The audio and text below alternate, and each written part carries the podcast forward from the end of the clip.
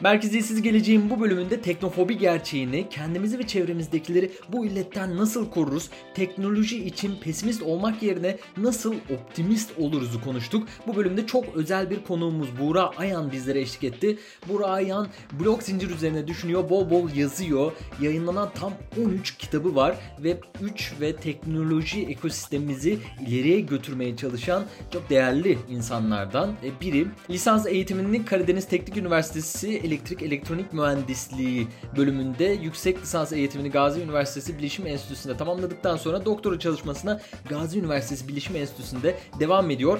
TEDx konuşmalarından fırsat bulup e, kendisini yakalayıp merkeziyetsiz gelecekte sizlerle buluşturduk. Bu bölümü sonuna kadar dinlemek isteyeceksiniz. Haydi buyurun. Merhabalar herkese. Merkezesi Geleceğe hoş geldiniz. Bugün çok özel bir konumuz var. Sevgili Buğra Ayan bizle.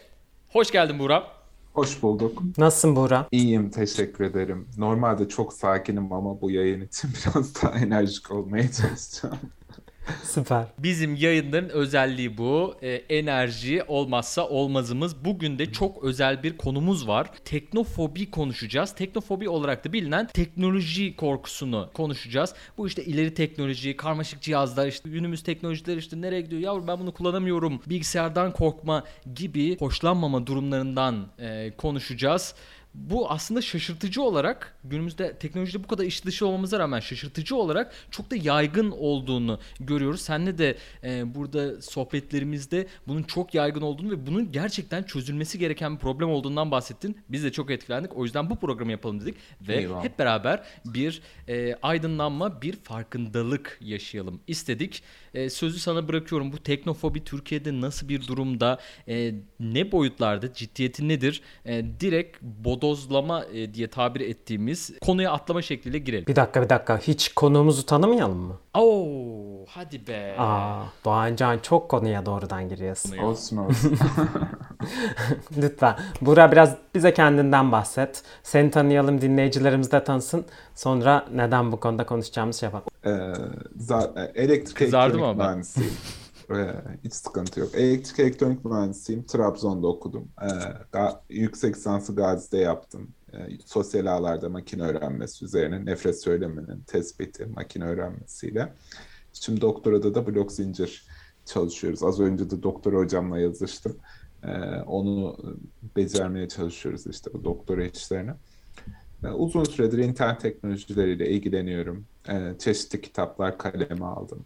Ücretsiz eğitimler, kurslar onlarla uğraştım. Aslında interneti anlamaya, anlatmaya çalışan biriyim özetle bugün de bu bu noktada işte beraberiz. Şimdi herhalde teknofobiye geçebilirim. Evet aslında bizim seni yani davet etmemizin nedenlerinden biri de çok makro ölçekli konularda düşündüğünü yazdığını biliyoruz ve genellikle hani günlük işlemlere insanlar takılıyor. Hani bugün fiyatlar ne olacak diye konuşuyor. Biz de burada fiyat konuşmayı hiç sevmiyoruz. O yüzden senin gibi makro konuşabilen birini bulmuşken e, biraz memleket meselelerine inelim istedik. Teknofobiyle devam edelim. Eyvallah. E, teknofobiyi aslında böyle bir odanın ortasında hiç fark etmediğimiz bir fil gibi görebiliriz. E, liselerde de konferanslarda mesela bir konuyu anlattıktan sonra bir el kalkar der ki bu anlattığınız şeyler insanlığın sonunu getirebilir mi? Yani aslında toplumun içinde bir yerlerde bu duyguları sahip insanlar var. Ama diğer tarafta da biraz daha optimist olaylara bakan kişiler var. Şimdi biz bunun farkında olursak daha iyi yönetebiliriz. Bu bahsettiğimiz şey ne? Aslında alet edevat korkusu köküne indiğimizde belki de doğada olmamızdan beri hep içimizde olan şey. Yani yazı bulunduğunda, ateş bulunduğunda hep bunlara karşı ya bu bir felaket getirebilen, getirebilir diyen kişiler bugün de işte Metaverse felaket getirebilir, Bitcoin felaket getirebilir diyorlar.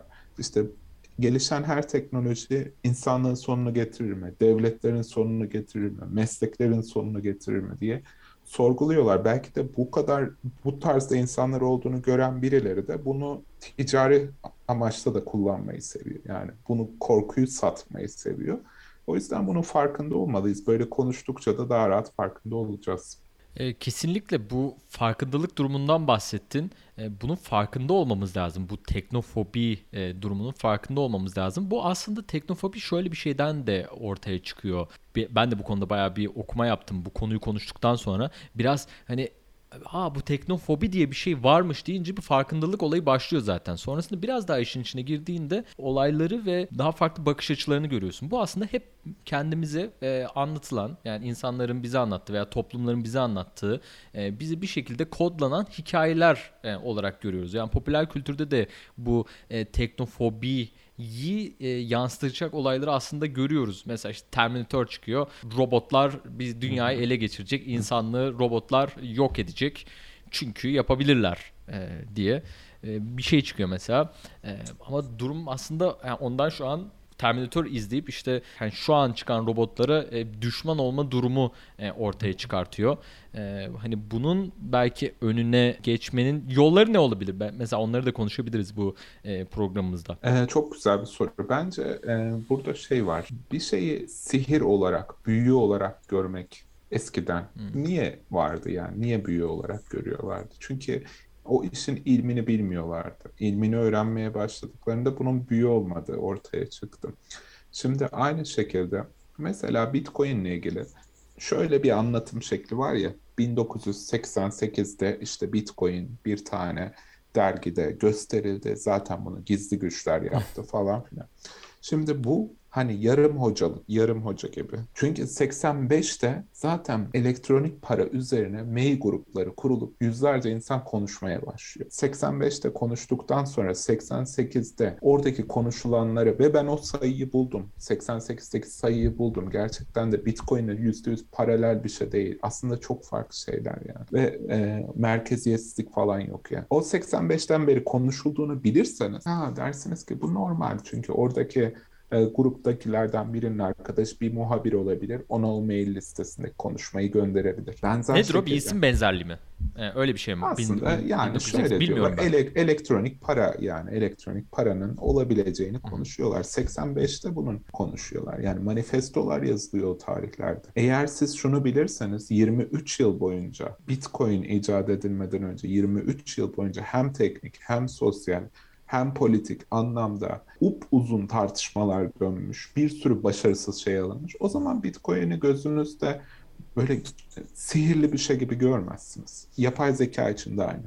Eğer bilirseniz ki yapılan yapay zeka projelerinin %99'u çalışmıyor problemli, sorunlu veri setleri veya algoritmaları. O zaman bunu böyle bir sihir gibi görmezsiniz. Sihir gibi görmeyince evet bu yapılabilen bir şey deyip için içine girersiniz, üreten tarafa geçersiniz. E, en tehlikeli anlatım bu işte. En tehlikeli anlatım e, biraz da böyle işte televizyonda da var bazı kişiler. Böyle işin içerisine gizem katacağım diye sanki burada gizemli birileri bir şey yapıyormuş gibi ortaya bir şey sunmak en tehlikeli şey. Bunu farkında olmak için de olabildiğince işin tekniğini bilmek, oradaki insanları tanımak, yani hikayeyi yapan. Bunlar çok önemli bence. Evet biraz yani bu teknoloji dediğin gibi anlamak önemli. Çünkü insanlar komplo teorisi seviyor ve bir günde bir coin çıktı ve dünyayı değiştirdi hikayesi. Çok daha cazip bile olsa yani aslında inovasyon dediğimiz her şeyin bir geçmişi var. İnsanların birbirinin eserleri üzerine koyması, buldukları, e, buluşların üzerlerine inşa ettikleri bir şeyler var. Hani bu çok kez denenmiş. Merkez bankaları olmadan para yönetilmiş daha dijital bile olmadan. E, daha sonra dijitalleştikten sonra pek çok dijital varlık denemesi olmuş. Hiçbiri başarılı olmamış. Ta ki yani blok zincir sistemi gelene kadar ve bu da pek çok fikir paylaşımının üzerinde e, inşa edilen bir şey. O yüzden hani buradaki sebepleri anlamak çok önemli. Herhangi bir çözüm üretmeden önce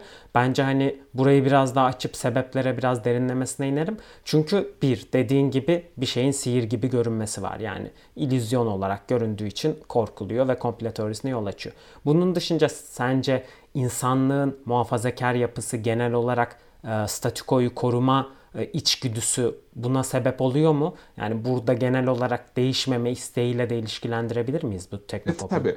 E, mesela bunu e, ben çok severim. Hindistanlı düşünür Krishnamurti şey diye tanımlar. E, beyindeki e, beyindeki obezite yani beynin etrafında bazı yağ halkaları var. Aynı göbekteki gibi ve onun içerisinde beyin o kadar rahat ki onun dışına çıkmak istemiyor. Dolayısıyla aslında orada inanmak istediği hikayeyi buluyor sosyal medyadan da. Yani sosyal medyadan kandırılmıyor. Sosyal medyadan kanmak istediği hikayeyi buluyor. Sosyal Güzel. medya bunu hızlandırıyor. Ee, ve bunun ar- arkasında kendini rahat hissediyor. Buradaki muhafazakarlık e, dindarlıkla paralel de değil aslında. Yani Hı-hı. herhangi bir şey muhafaza etme. Yani o rahat dünyasını muhafaza etme. Mesela biz e, bu teknolojilere e, en son girecek kişilerde otoriteyi tanımlıyoruz. Otoritede kim var? Annem var, devlet var, ünlü bir pop yıldızı var, bir tane tarikat hocası var. Çünkü hepsi aynı. Hepsi aslında kendi alanında bir o şeyi tanımlamış e, rahatlığı ve onun dışına çıkmak istemiyor. Onun dışına ilgili korku hikayesi duyduğunda bunu hemen yakalayamak istiyor. E, o var tabii. İkincisi e, işte dediğim gibi bazı politik konularda şartlanmış insanlar bunun içerisine teknolojiyle ilgili bir hikaye girdiğinde de bunu seviyor. Bitcoin'in arkasında Amerika, Çin var. Ethereum'un arkasında Rusya var. Bunun arkasında, birinin arkasında bir şey olması lazım. Yoksa olmaz yani. Ve o bir devlet olmalı. Bu hikayenin onlarda karşılığı var. Çünkü onların politik bakış açılarına da güzel bir meze oluyor bu. Bu tarz kökleri var aslında. Daha bu işin içinde bilmediğiniz neler var? Sen biraz daha okuma yap bununla ilgili. o işin içinde daha neler var öyle e, diye de e, komplo teoriciliği de çok eğlenceli ama bir şey değil mi? komplo teoriciliği biraz eğlenceli tabii, tabii. ama Biz yani mesela... böyle hani Biz mesela... araştırmacılıktansa böyle hani biraz daha böyle okuyup hani ya bu acaba böyle mi demektense değil mi? Komple teorisi daha yormuyor, eğlenceli. Yormuyor. Yormuyor. Yani biz şimdi yüksek lisansta alıyorsun e, reach regresyonu bilmem naive bias'lar, deep Lütfen anlatma. Öbür tarafta adam diyor ki ya oğlum diyor. Yok abi. Şimdi Hiç bildiğin gibi der, değil. E, derneğin standını açtığımızda e, kitap ne fuarında derneği? Web3 Derneği'nin standını açtığımızda e, kitap fuarında e, birincisi şu yüzden çok mutlu olmuştum. Teknolojiyle ilgili Ankara'daki bu kadar büyük bir kitap fuarındaki tek stand. Yani teknoloji yok standta. Ee, tabii geldi birisi işte hemen şeye girdi yani bu komple teorilerine falan. Ee, ben de dedim ki onu bilmem kime git sor dedim. Yani çok tartışılacak bir, bir şey durumda değil yani. Çünkü yani seni bir anda kafasında farklı bir yere konumlandırıyor yani. Ee, onlar da var ama işte onu şöyle dediğim gibi lisede konferansta o elini kaldıran Ahmet, Ayşe kimse bu kişiler onları bulup aslında onların korkularını da sömürüyor bir yandan. Çünkü o bir ekonomi oluşturuyor, korku ekonomisi oluşturuyor ve o korku ekonomisinde kendisine teknolojik bir arka plan bulup oradan sürekli finansal güç devşiriyor bu kişiler. E, hep öyleydi. O yüzden mutlaka bakın ben bayıldım ona. Pessimist Arşiv diye bir site var bahsetmiştim size. Yani her şeyde yani çizgi filmden tutun her şeyin icadında neler yazılmış gazetelerde yani. Yani şaşarsınız. Orada çok komik şeyler var. Yani çok küçük böyle icatlarda bile nasıl komplo teorileri gazetelerde yazılmış bunları arşivleyen bir site. 150 yıldır radyo her şeyde yani. E bu taraftan bakmak tabii bir tercih meselesi. Mesela e, Metaverse ile ilgili bir şey olduğunda hmm, ka- kampanya Twitter'da Metaverse'e hayır diye bir kampanya e, oturdum baktım yani gerçekten teknik olarak bilen var mı bu iş falan çok bilen yok e, sanal gerçeklik gözlüğünü takınca başka bir dünyaya soyutlanacağını dolayısıyla işte e, dünyadan kopacağını savunuyor. Ama Metaverse'ü doğrudan sanal gözlüğe indirgemek zaten çok mantıklı değil yani. Başka konseptlerde de inşa ediliyor.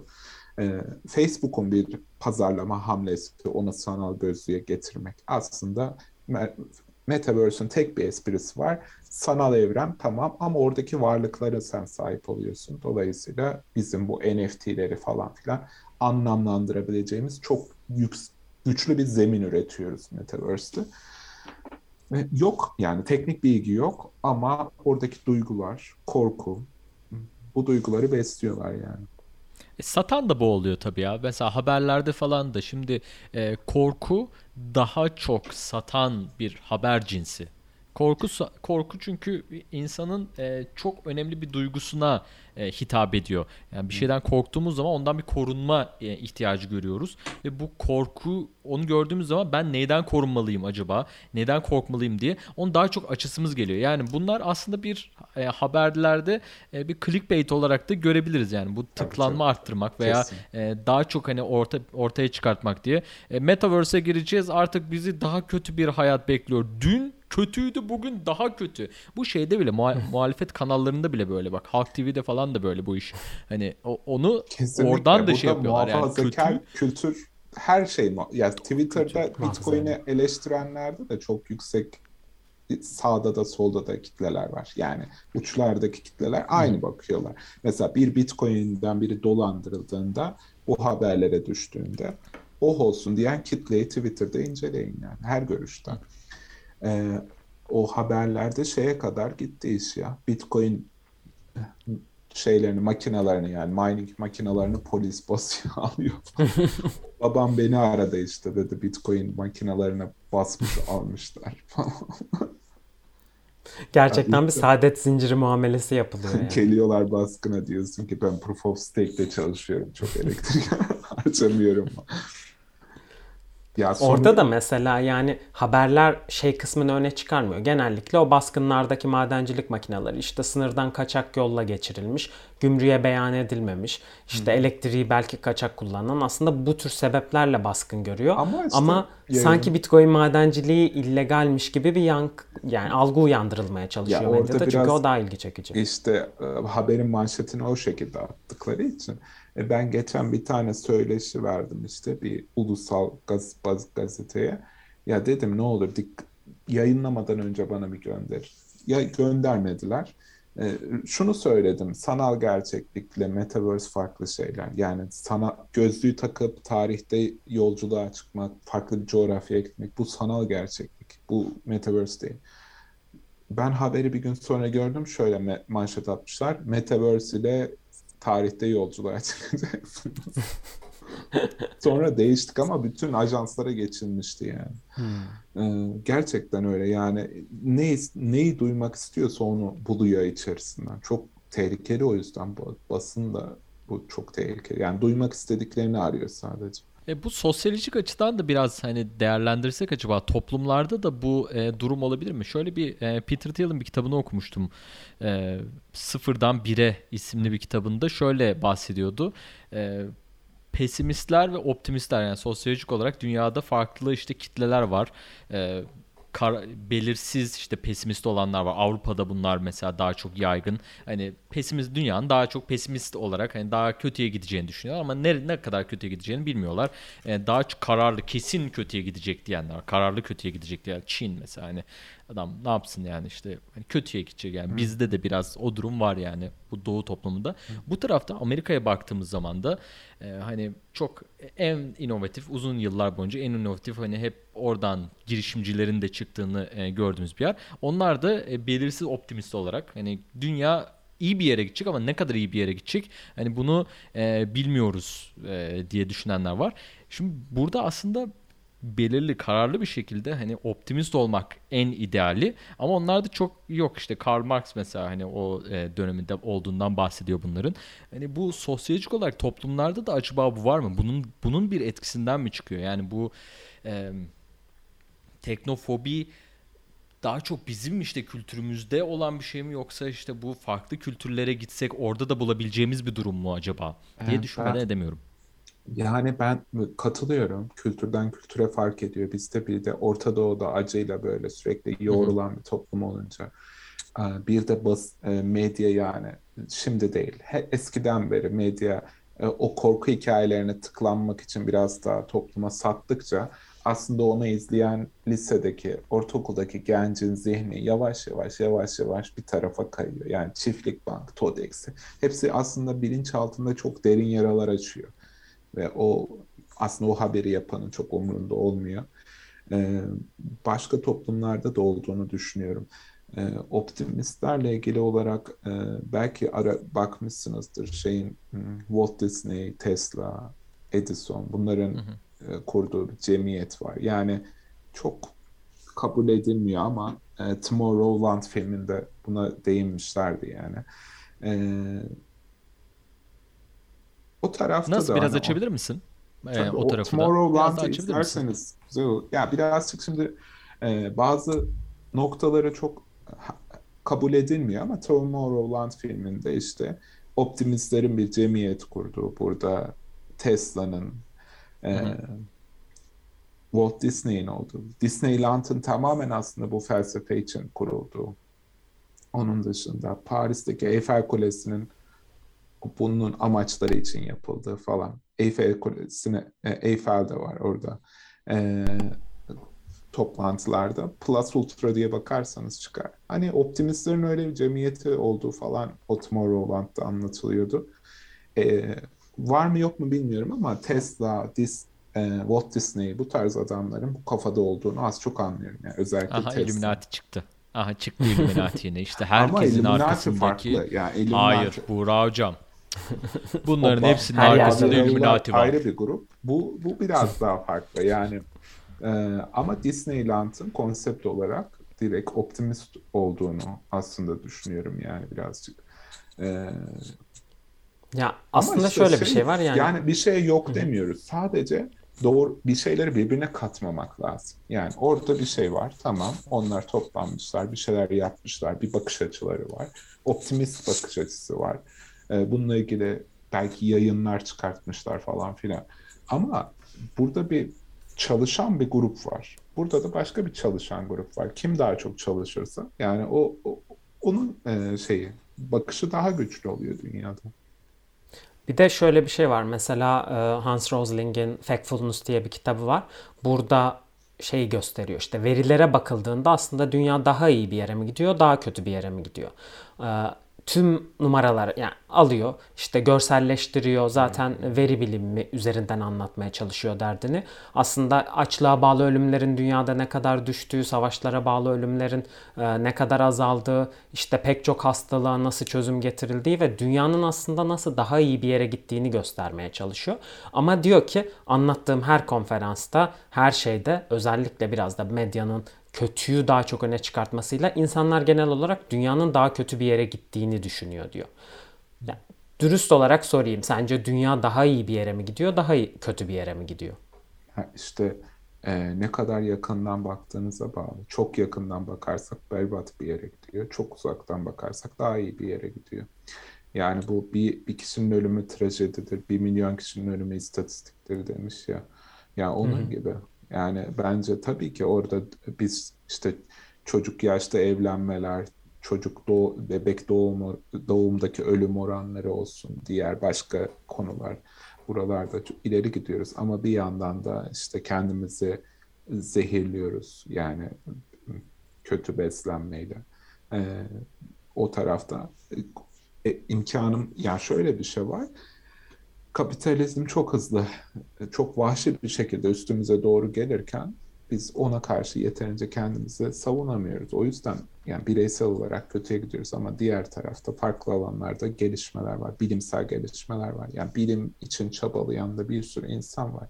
Bilime duyulan saygı e, o anlamda gitgide artıyor.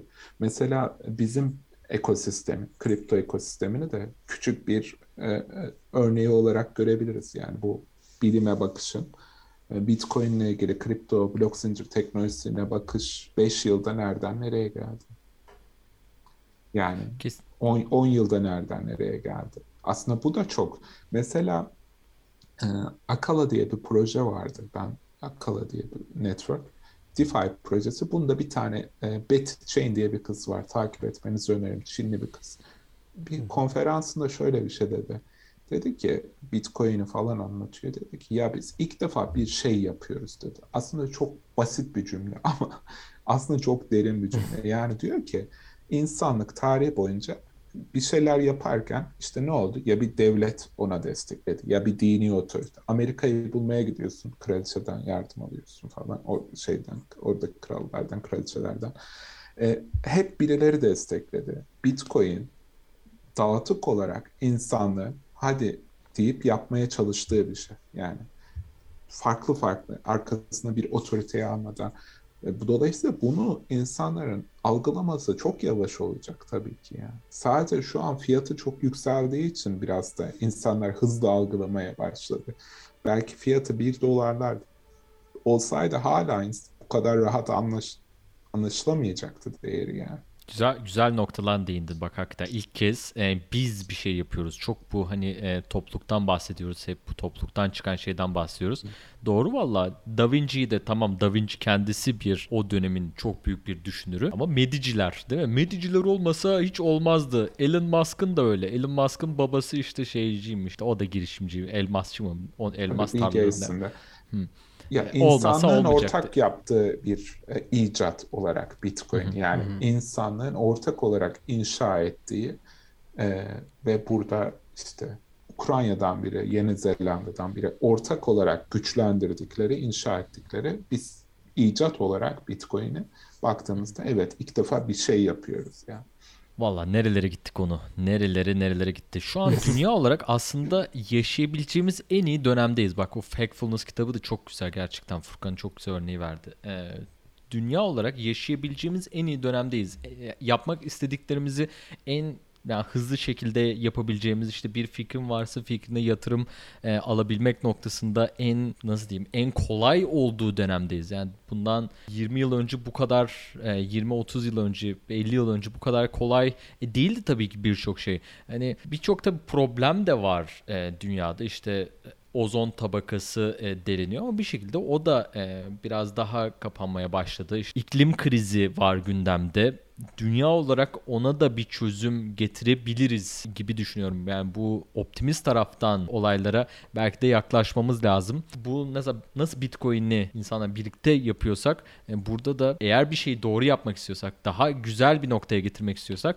bunu birlikte yapabiliriz ama bunu işte dünya sadece kötü bir yere gidecek işte biz ölüyoruz, bitiyoruz dediğimiz zaman bunu yapabilmemizin tabii ki bir yolu yok diye de söyleyelim. Bunu da tabii insanlığın amacı da hep kendinden sonraki bir sonraki gelecek nesili geliştirmek, bir sonraki gelecek nesili eğitmek olarak yani biliriz hep e, bir şekilde öyle de bir içgüdümüz var. Bu e, teknofobinin aslında tehlikelerinden bir tanesi de düşünceleri, bu hikayeleri kendimize anlattığımız bu kodlamaları bir sonraki nesile de aktarmamız ve bu on, onların gelişimini de yavaşlatabilir.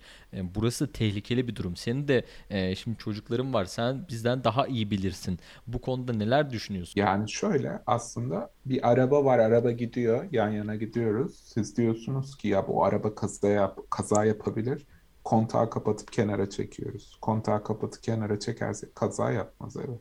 Ama gidemeyiz. Yani bunun en büyük zararı bu. Yani insanları siz burada bir şeyleri birbirine katarak ve felaket senaryolarıyla korkuttuğunuzda üretimi duruyor. Biz onu nasıl blok zincir ekosistemine dahil edeceğiz? O kişinin nasıl bir şeyler üretmesini, geliştirmesini sağlayacağız? Belki o kişi yarın dünyadaki en büyük felaket anlarında kullanılacak insani yardım sistemini geliştirecek blok zincirde. Savaşlarda kullanılacak, göçlerde kullan. E sen bunu durduruyorsun diyorsun ki kaza yapabilir, böyle bir ihtimal var. Burada şey çok önemli. Ee, hani sabıkası nasıl bir bakmak lazım bunu diyenlerin. Şimdi şunu çok hızlı yaşadık ya. Yani bize e, internet deccal diyenlerin YouTube'daki abone sayılarını artırma yarışına girdiğini çok hızlı yaşadık. Benim klibim YouTube'da yok diyenlerin sonra YouTube'da sahte izlenme almak için yarışa girdiğini pop sanatçıların. Ne arıyorsunuz oğlum o internette bilmem ne varmış diyen annemin Facebook'tan çıkma işini. Devletlerin başta direnip sonra girmesini bütün dünyada. Bütün otoritelerin, bütün otoritelerin bu U dönüşlerini gördüğümüz için yani e, annemden tutun din adamlarına kadar, pop şarkıcılarına kadar. E, dolayısıyla şu an da aynısını iki kere bir de bir kere değil. Önce internete girerken sonra sosyal medya sonra web 3. Yani önce fiziksel ortamdan interneti eleştirdiler, sonra internetten sosyal medyayı eleştirdiler, sonra sosyal medyadan Bitcoin'i eleştirdiler. Yani şimdi burada ama şöyle bir şey var diğer tarafta, optimist tarafta. Mesela TEDx'ler biliyorsunuz bir ara böyle virüs gibi yayıldı TEDx'ler. Aslında hmm. orada şey vardı Web2'de. Web2'de insanlar birbirlerine bilgi aktarırken en ilham verici hikayelerini aktarmak istediler ve TEDx aslında bir şeyin doğumunu önceliyordu. O şunu önceliyor. Dünyanın bir yerinde bir şeyler üretmek isteyen, insanlığa fayda sağlamak isteyen bir insan varsa ben o insanın yanındayım. Ona motiv sosyal motivasyon yolluyorum, onun hikayesini paylaşıyorum. Ama Web3'te artık ona finansal motivasyon göndermeye başlayacak. Bu çok kritik. Yani işte dediğimiz şey ne? Mesela Nijerya'da e, birisi var e, Ken diye.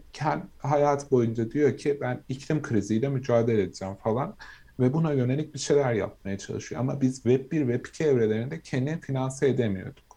Dolayısıyla onun üretimi aksıyordu. Yap ama hobi olarak yapta kalıyordu. Ama artık onu finanse edebiliyoruz. Finanse edebildiğimiz zaman orada Ken değişiyor, Yeni Zelanda'da Sarah değişiyor, Türkiye'de Ahmet değişiyor ve bu üçü beraber e, dünyanın sorunlarına çözümler üretmeye başlıyorlar. Ve bunu da arka planında farklı bir hani bunu dünyada yapan biliyorsunuz kuruluşlar falan var ama bunların hep arka planda bir gizli ajandaları var. Bu şekilde değil yani dünyanın farklı noktalarında anlık olarak gelişen şeyler bu anlamda çok optimizm tarafından çok değerli Bitcoin teknolojisi. Çok birbiriyle uzak şeyler değiller yani.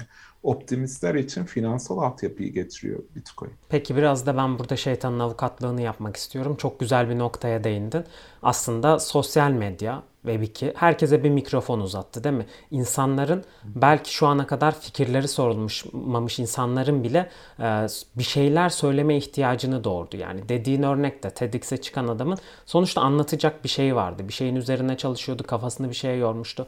Ama sadece bunlara bir sosyal medya mikrofonu uzatamıyorsun. Aynı zamanda e, daha önce az önce bahsetmiş olduğun gibi evde aile otoritesini, ülkesinde kralının otoritesini sorgulamamış insanlar, bunlar hakkında herhangi bir fikir geliştirmemiş insanlar bir anda kendini sosyal medyada bulunca herkesin bir fikri var, benim de olması gerekiyor şeklinde düşündü ve bunu da sürekli beyan ediyor ve açıkça beyan etmekten de çekinmiyor. Yani kimse demiyor ki ben bu konuda yetkin değilim, işte bu konuda yeterince okuma yaptım mı acaba veya eğitim mi almam gerekiyor diye sorgulamıyor ve herkes yorumunu yapıyor bir şekilde katılıyor. E şimdi Web3 dünyasına geçtiğimizde aslında e şimdi çoklu bir katılım göreceğiz. Burada sadece söz söylemekle de kalmayacak. Bir merkeziyetsiz otonom organizasyonun yönetim için söz sahibi olacak bunun token'ını alan insan ve bu sefer herkes yönetimde söz sahibi olacak. Bu dağıtıklık sence belki ulaşılması gereken nitelikli insanlara e, ulaşılmasını sağlarken aynı zamanda bir bilgi kirliliğine ve ulaşılmaması gereken insanların da denkleme dahil olmasına sebep olmaz mı? Olabilir. İşte o yüzden bizim okur yazarlığı geliştirmemiz lazım. Ne kadar okur yazarlığı geliştirsek o kadar e, güçlü oluyoruz. Aslında hep aynı yere geliyoruz. İlk soruya dönüyoruz. Yani e, bir şeyi ilmini öğrendiğiniz zaman artık o konudaki fikriyatınız güçlü oluyor. İlmini bilmediğiniz zaman manipüle edilebiliyorsunuz. Politik, dini falan manipüle edilebiliyorsunuz. Bence çok güzel bir nokta. Mesela adamın konuşası yok ya. Kişinin konuşası yoktu aslında. Onu konuşturmak istedi sosyal ağlar. Çünkü para kazanacaktı. O da konuşmayı denedi. E, Erzurum'da ben büyüdüğüm için Erzurum'da kahvelerde e, çok oturmuşluğum var Bakardım böyle televizyonda haberler çıkar. iki tane e, hacı geçer oraya. Her çıkana bir küfreder böyle. Ya de, hani niye küfrediyorsun? Her habere böyle bir küfürlüyorum. Ben de Erzurum'da büyüdüğüm için, için şu an çok iyi anlıyorum. Onun çok onun için çok normaldi. Ben çok artık normal. haberleri bırakıp onu izlemeye başlıyordum. Böyle ya anlamaya çalışıyordum. E biz bunu Twitter'a soktuk yani. Ne yapacaktı? Ve Twitter ona konuş dedi bir anda 3 saniyede Twitter'a girdik telefonundan. E, dolayısıyla ama işte dediğim gibi şu anda mesela yeni jenerasyon gelirken Web3 okur yazarlığını versek Web3 okur yazarlığı ne kadar güçlü olursa bir, e, o kadar e, dediğimiz şeye kayar yani e, nitelikli iş gücü üretimi, o insanların dünyada söz sahibi olması fikirlerinin falan. E, burada okur yazarlık kilit kelimeye bence. Ki, çok güzel söyledin ve bahaneye yer yok. Ya biz bahaneyi de çok seviyoruz. Yani bunu da her yerde görüyorum. Evladım ben bu telefonda işte şunu nasıl ben anlayamam. Ben yapamam. İşte biz bunu nasıl yapalım? Bu yaştan sonra nasıl öğrenelim? Ya şu bilgisayarda şunu nasıl yapacağız? Benim babaannem öğreniyor ya. iPad'de iPad'den e, FaceTime'la beni arayabiliyor. E, arıyor. Oğlum nasılsın? İşte Facebook'tan girip chatten arıyor. Ben Dublin'deyim. O işte Bursa'da konuşuyoruz. Yani bu teknolojinin bizi getirdiği çok güzel bir nokta. Tamam mı? Böyle bir şey yani hayal hayal edemeyeceğim bir şey bak. Yani hani babaannemle şeyle konuş, dedemle vesaire. Şimdi burada da bu bahaneyi ortadan e, kaldırmamız lazım aslında. Bunu işte yapamıyorum, edemiyorum. Bu da dilden başlıyor. Dilden önce yapamıyorumu atalım bir kere. Böyle bir şey yok. Bu da yine e, bu teknofobi gibi e, hikayelerini yani kendimize anlatılan hikaye gibi bu da kendimize anlattığımız bir hikaye. Yani ya, yapamayacağımız hiçbir şey yok. Anlamadığımız hiçbir şey de yok. Sadece onunla ilgili ya belki biraz daha bir okuma yapmamız gerekiyor ya da biraz içine girmemiz gerekiyor ya da kendi kendimize öğrenebiliyoruz. Bundan daha önemlisi yine söylemlerimizde bizden sonraki nesili işte e, çevremizdeki eğer kendi çocuklarımız veya işte e, yeğenlerimiz, kuzenlerimiz neyse onları daha doğruya e, yönlendirmek lazım. İşte telefon oynarken evladım sen bu telefonla çok oynuyorsun. Sabahtan akşama kadar bıt bıt bıt bıt bıt bıt bıt bıt bıt bıt bir telefon bir telefon diye bunu böyle darlamaktan ziyade belki de hani neyle uğraştığına ilgilenmekten ziyade nasıl onu kullandığınla uğraşmak belki e, daha e, değerli olur. Nasıl ve neden onu e, kullandığını ile ilgilenmek daha e, değerli olabilir. Bu konuda ben çok mesela oyun oynuyorsa işte Onunla basit kodlamalarla şey... başlatılabilir e, gibi. Yani, e, lütfen söyle zaten tamamen buradan e, yönlendireceğim. Ya aslında o benim çok üzerine çalıştığım bir şey. Yani 2019 yılında Eyvah Çocuğum Dijital diye bir kitap çıkarttım. 4, 4 hmm. tane de baskı yaptım. E, doğrudan yani 5-6 adımda bir çocuğun oynadığı oyunlar, oynamayı sevmediği oyunlar, izlediği kanallar, izlemediği, sevmediği şeyler. Bunların tespiti, bunların işte geleceğin 20 tane teknolojik alanının hangisiyle kesiştiği, daha sonra ona bir başarı hikayesinin orada çizilmesi, ardından bu başarı hikayesinin dersleriyle nasıl birleşeceğinin görülmesi. Örnek veriyorum. Mesela çocuk e, GTA oynuyor. Mesela bizde GTA şiddet içeren oyun diye yasaklanmıştı ama benim bin tane öğrencide ben anket form doldurdum bunları. Bin, bin öğrenci. E, GTA oynamayı sevenlerin çoğu şiddet oyunlarını sevmiyor. GTA'yı sevenlerin en büyük e, sevme sebebi üç boyutlu dünya olması. Onlar üç boyutlu dünyaya takıl, takılmış durumda. Dolayısıyla onu seven öğrenciye sen işte artılmış gerçeklik teknolojisini öğret, e, 3D'yi öğret. Daha sonra de ki sen bu 3D ile e, başarılı olmak için şu şu şu derslerinde şu konulara geometri olsun işte başka şeyler olsun iyi bilmen lazım. Dolayısıyla kafasında o başarı hikayesini kurguladığın zaman o zaten gidiyor. Burada e, e, oradan başlamak lazım. Onunla kesişen şey de şu hani sihir dedik ya bir şey sihir olarak görürse sihir aynı zamanda inançsızlığı doğurur. Yani ben baktığımda bir adam ne yapıyor? İşte tavşanı kaybediyor onun sihir olduğuna inanırsam hiçbir zaman öyle bir şey yapamayacağıma da inanıyorum. İnançsızlık getiriyor hmm. insanlara. Ve bu e, inançsızlığı kıran şey de bir ana motivasyon noktasını yakalamamız lazım. Mesela babaannenin seni aramasındaki ana motivasyon noktası sana duyduğu sevgi ve sana ulaşma isteği. O kırıyor oradaki sihri.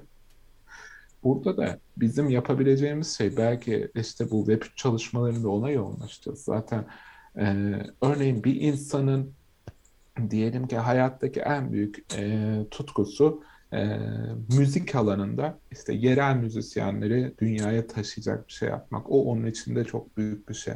Bunu nasıl bu teknolojilerle yapabileceğini gördüğü zaman, bundan biriyle tanıştığı zaman e, veya bununla ilgili bir iki hikaye okuduğu zaman artık onu siz tutamazsınız zaten. Ya artık o inanmaz da yani sihir, tarzı böyle söylemlere, komplo teorilerine falan inanmaz. Artık o hani fırlamış bir mermi gibi oluyor. Yani hedefi kilitleniyor. Ya yapabileceğimiz şey o. Ana motivasyon noktalarını bulmak. Belki bununla ilgili işte e, taramalar yaparak yani siz ben bunu şey diyorum. Neyime yarayacak Bitcoin? Neyime yarayacak Bitcoin'e? kişiye özel anlatmamız lazım. Yani bu senin neyine yarayacak? Onun dü- düşünce dünyasında bir şey olabilir. Mesela şu Metaverse karşıtlarını var ya yani e, emin olun vaktim olsa çoğunu Web3 savunucusu yaparım. Yani yani çünkü argümanlarının köküne baktığında eleştirdikleri şeyi Bitcoin sağlıyor zaten. Yani eleştirdikleri şeylerin hepsini Bitcoin sağlıyor zaten. Merkeziyetsiz teknolojiler sağlıyor. Sadece bilmiyor. Birbirine karıştırmıyor. Yani e, benim düşüncem öyle o noktada bir neslin belki de hani işte e, metaverse bir gözlüğü takıp işte bir nesil böyle kaybolacak, bir sonraki nesil böyle kaybolacak diye de işte böyle komplo teorileri e, üretebiliyor. Bizde de komplo teorisi Furkan çok sever komplo teorisi. Daha geçen Elon Musk işte bu Twitter'ı alıyor ya şimdi. Twitter'ı alacak başına hepsini Jack kurguladı diye böyle sever bizde de böyle. Hmm. Furkan. Allah orada şey hani Twitter'a alması Cumhuriyetçi kanatla Demokrat kanat arasında bir kavganın da şeyi olabilir yani. Sembolü evet ki aslında yani Elon Musk sözde demokrat gözükecekken her hmm. yaptığı şeyle biraz daha Cumhuriyetçi Kanada yaklaşıp onları savunmak zorunda kaldı. Elon Musk Trumpçı mı bu programda? Onu da değerlendiriyoruz. Elon Musk acaba ben Trumpçı mı? E, komplo teorisyenlerine bir e, şey daha vereyim. E, Hemen verelim. Malzeme. E, Tesla öldüğünde e, Tesla'nın çalışmaları, bütün gizli çalışmaları FBI tarafından Trump'ın büyük amcasına bırakılmış. Hayda. E, işte bu. Al bir de buradan ya. İşte bu. Adını unuttum. Bir şey Trump'tı. Aslında aslında hepsi kurgulanmış. Bütün dünyada bütün teknolojiler biliniyor ama vermiyorlar ki e, daha çok oradan para kazanabilelim. Ay'a da gidilmedi. Onu da. Hepsini şey burada tüm tuşlara aynı anda basarak Bill Gates de Bill Gates de evet hepimizi çip takmaya çalışıyor. Ya mesela bu şeyle ilgili e, şunları da bilmek lazım. O doğru yani. Mesela Google'ın Google'ın 160 tane projesi battı ya. Yani mesela Bill Gates, Microsoft sosyal ağ çıkaramadı ya. Evet. Tabii canım. Yani ya bunların Microsoft... başarısızlık hikayelerini de bilmek lazım. Öyle diyor ki Bill Gates sihirli bir güç geliyor. Ya Microsoft neyse şimdi Microsoft'ta sevdiğim bir sürü insan var da ben Microsoft ürünü görünce kaç kaçıyorum yani. yani. Internet Explorer var adamlarda ya. Hala çözemediler. Kafamdaki şey şu yani. Mesela ben hiç sağ, hiçbir şey takmam koluma böyle, e, böyle rahatsız olurum. Apple saat çıkarmış ya. Ya dedim ki Apple saat yaptıysa belki takılabiliyordur. Yani onu bile düşün, beni düşünmüştür diyorum. Yani marka imajı kafamda bu. Microsoft'un onun Bill Gates'i böyle şey gibi görüyorlar. Yani internet teknolojilerinde çok gizemli bir güç gibi. Ya internet teknolojileri öyle bir şey değil. İnternet teknolojilerinde oyun çok değişken. Yani 19 yaşında bile çıkıp oyunu değiştirebiliyor yani. Okumasını iyi yapıyor. Yani mesela Insta, Snapchat'i e, ta, en sonunda taklit etti Zuckerberg biliyorsunuz. Instagram'daki hikaye özelliği falan. En son taklit etti yani mecburen. Ya o aslında şeyde de var. Yani bu e, girişimler özelinde de e, var o durum. Yani e, hep en e, hikayelere baktığımız zaman hep direkt başarı hikayelerini görüyoruz. En işte direkt başarılı bu adam bir gecede başarılı oldu. Elon Musk işte PayPal'ı kurdu, sattı, Tesla'yı aldı hemen başarılı bitti yani hemen başarılı oldu. Hemen başarı hikayelerini görüyoruz. O işte orada e, düşme, kalkma, acı çekme, yanma işte ondan önceki batma hikayeleri e, işte kaç kitap okumuş günde ne neler yapmış, e, nasıl bir işte günde kaç saatlik çalışması var gibi hani bunlar arkada kalıyor çünkü bunlar e, nasıl diyeyim seksi değil. Tamam mı? Sıkıcı hikaye. O batmış zaten. Tamam e, bu başarı hikayesi hani onu duymak e, insan ah bak başarıyı olmuş. Biraz bu sefer de açtığımızdan bu bu sefer de şeye bağlanıyor. Ya e, işte onlar e, bir de şuraya da bağlı. Onlar haram yiyordur. Ona bağlı. Haram yiyordur. Yani başka türlü öyle bir para nasıl kazanılır? 44 milyar dolar nasıl kazanılabilir? Yani kazanılacak bir şey değil zaten bu da. E, yani öyle bir hani zaten nasıl diyeyim Furkan sen bilirsin bu işleri. Yani böyle nakit olarak verilmiyor değil mi o? Hani bir tabii, e, bankadan tabii, bir değer olarak. rakamlar olarak, değer olarak geçiyor yani. Tabii, tabii. Böyle bir yani böyle para geçişi yok yani ortada biraz Tesla hissesi sattı. Hani oradaki biraz nakdi vardı ama 44 milyarı direkt nakit olarak alacak şekilde değil. Daha çok hani ben almak istiyorum destekleyen var mı? Zaten bütün bankalar Herkes hemen geldi. elini taşın altına koydu. Ee, biz kredi veririz, biz destekleriz, biz şöyle fonlarız şeklinde. Hani fon bulma ve onu doğru şekilde dağıtma yaptığı iş. Aynen öyle. Yani bu e, büyük çerçevede yani biraz böyle zoom out yani biraz olaydan hani e, biraz daha geniş perspektifte e, biraz düşünme ama bu geniş perspektif deyince de işte büyük oyunu görme bu sefer de çıkıyor. Her şeyden de bu komplo teorisi çıkıyor. O da eğlenceli arkadaşlar. Yani ne yapayım şimdi komplo ben, teorisiyle ben, uğraşmakta. Ben mesela büyük oyunun ne olduğunu söyleyeyim mi? Büyük oyunu e, yine e, Krishnamurti çok güzel özetliyor. Diyor ki insan insan bir, bir insan için diyor ki sen insanlığın hikayesisin. Yani büyük oyun o. Biz bütün insanlığın hikayesiyiz yani. Hı hı. Dolayısıyla bütün insanlığın kaosunu, bütün insanlığın çatışmasını içimizde barındırıyoruz. Yani bu normal. Bu, bunu sadece e, bizim kuyruğumuz da yani düşün ki kuyruğumuz da var, kafamız da var. Adam kuyruğumuza yaklaşıp sen yılansın diyor yani. Öyle bir, bir şey değil bu. Yani orada bir manipülasyon var. Ee, şöyle toparlayalım o zaman. Ee, şöyle toparlayalım. Ee, her şey farkındalıkla başlıyor. Önce farkında olmamız lazım. Bu teknofobinin de olduğunu e, farkında olmamız lazım. E, komplo teorisiyle tamam illa eğleneceksek de hani biraz daha e, detayına illa böyle e, magazin tarafından değil e, biraz daha hani hmm, nasıl diyelim objektif taraflara farklı hikayelere de bakmak belki de e, lazım. Bu farkındalık çerçevesinden e, ilerledikten sonra da e, korkmamak yani böyle teknolojiden teknoloji gidecek buraya gideceğin yerden e, korkmadan e, burada biz nasıl var olabiliriz biz burada neler yapabiliriz onlarla ilgili e, düşünmek ve kendini keşfetmekten ortaya çıkıyor. İnsanlar her şeyi yapabilir. Arkadaşlar her şeyi yapabiliriz. Türk zeki çalış güven e, diyerek burada toparlayalım. Peki çok teşekkürler e, Buğra.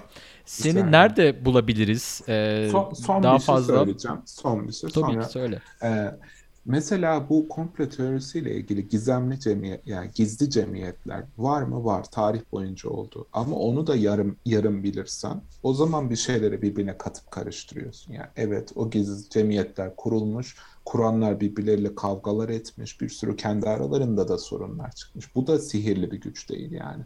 Hani o cem, onları da okumak, onun da ilmini öğrenmek lazım ama e, onu da tam bilmezseniz bu sefer manipüle edilebiliyorsunuz o, o kötü niyetli kişiler tarafından. Bence bu yayında birkaç şeye değindik, çok güzel oldu. E, birincisi bu işin teknofobinin sosyolojik köklerine değindik. Yani toplumsal köklerine, toplumdaki başarısızlığın aslında biraz korkulan bir şey olduğuna dolayısıyla insanların başarılı olmaktansa bak orada başka bir hikmet vardır o yüzden başarılı oluyordur çalışkanlıkla değil demesine değindik.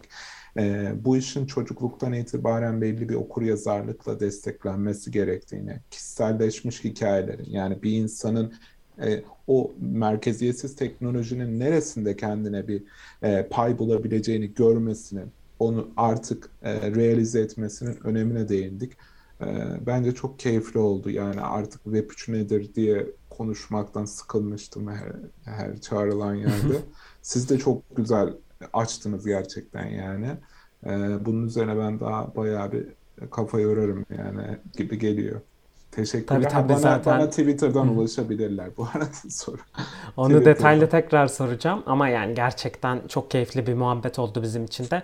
Çok güzel döngüsel bir anlatı sunduk çünkü hani baştan başladık insanların bir şeyleri sihir olarak görüşünden, ardını araştırmamasından ve daha sonra nasıl bunları garipsediğinden ve sonda bağlarken de yine işte komplo teorilerinden nasıl e, bunun ardını bilmeden bu şekilde kabul edince yalnızca optimistik hikayelere bakınca nasıl bir resim çizdiğinden e, çok güzel noktaları bağladık ve temel olarak da aslında yani güzel bir mesaj vermeye çalıştık. Eğitim şart Cem Yılmaz'ın da dediği gibi.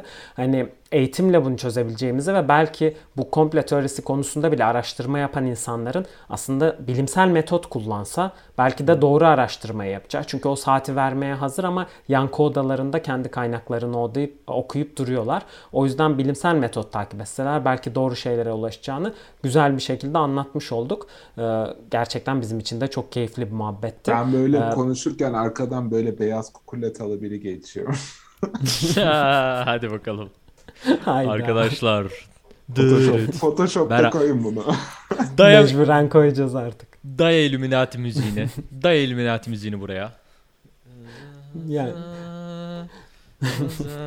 Seni de hani Twitter'da bulabileceğimi söyledin ama aynı zamanda kitaplar yazdığını biliyoruz. Konuşmanın içerisinde bir Web3 derneğinden bahsettin.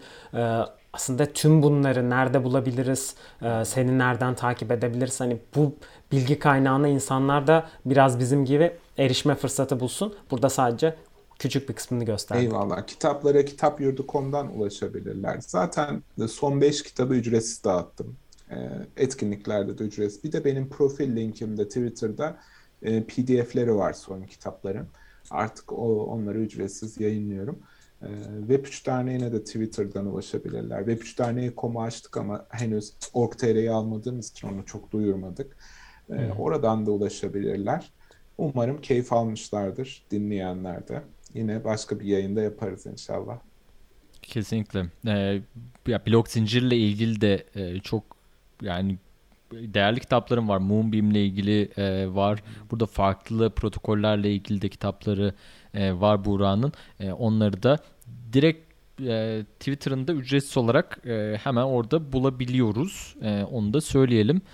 E, diğer kitapların da biz de linklerini e, aşağıda açıklamalara bırakıyoruz. Oradan da inceleyebilirsiniz efendim. E, çok teşekkürler katıldığın için e, programa. Çok keyifli bir program oldu. Benim Ee. Görüşürüz. Bir daha gelirsin. Gelirim, gelirim. Tamam. Oldu. Hadi görüşürüz. Görüşürüz. Bir sonraki videoda görüşürüz. Hoşçakalın.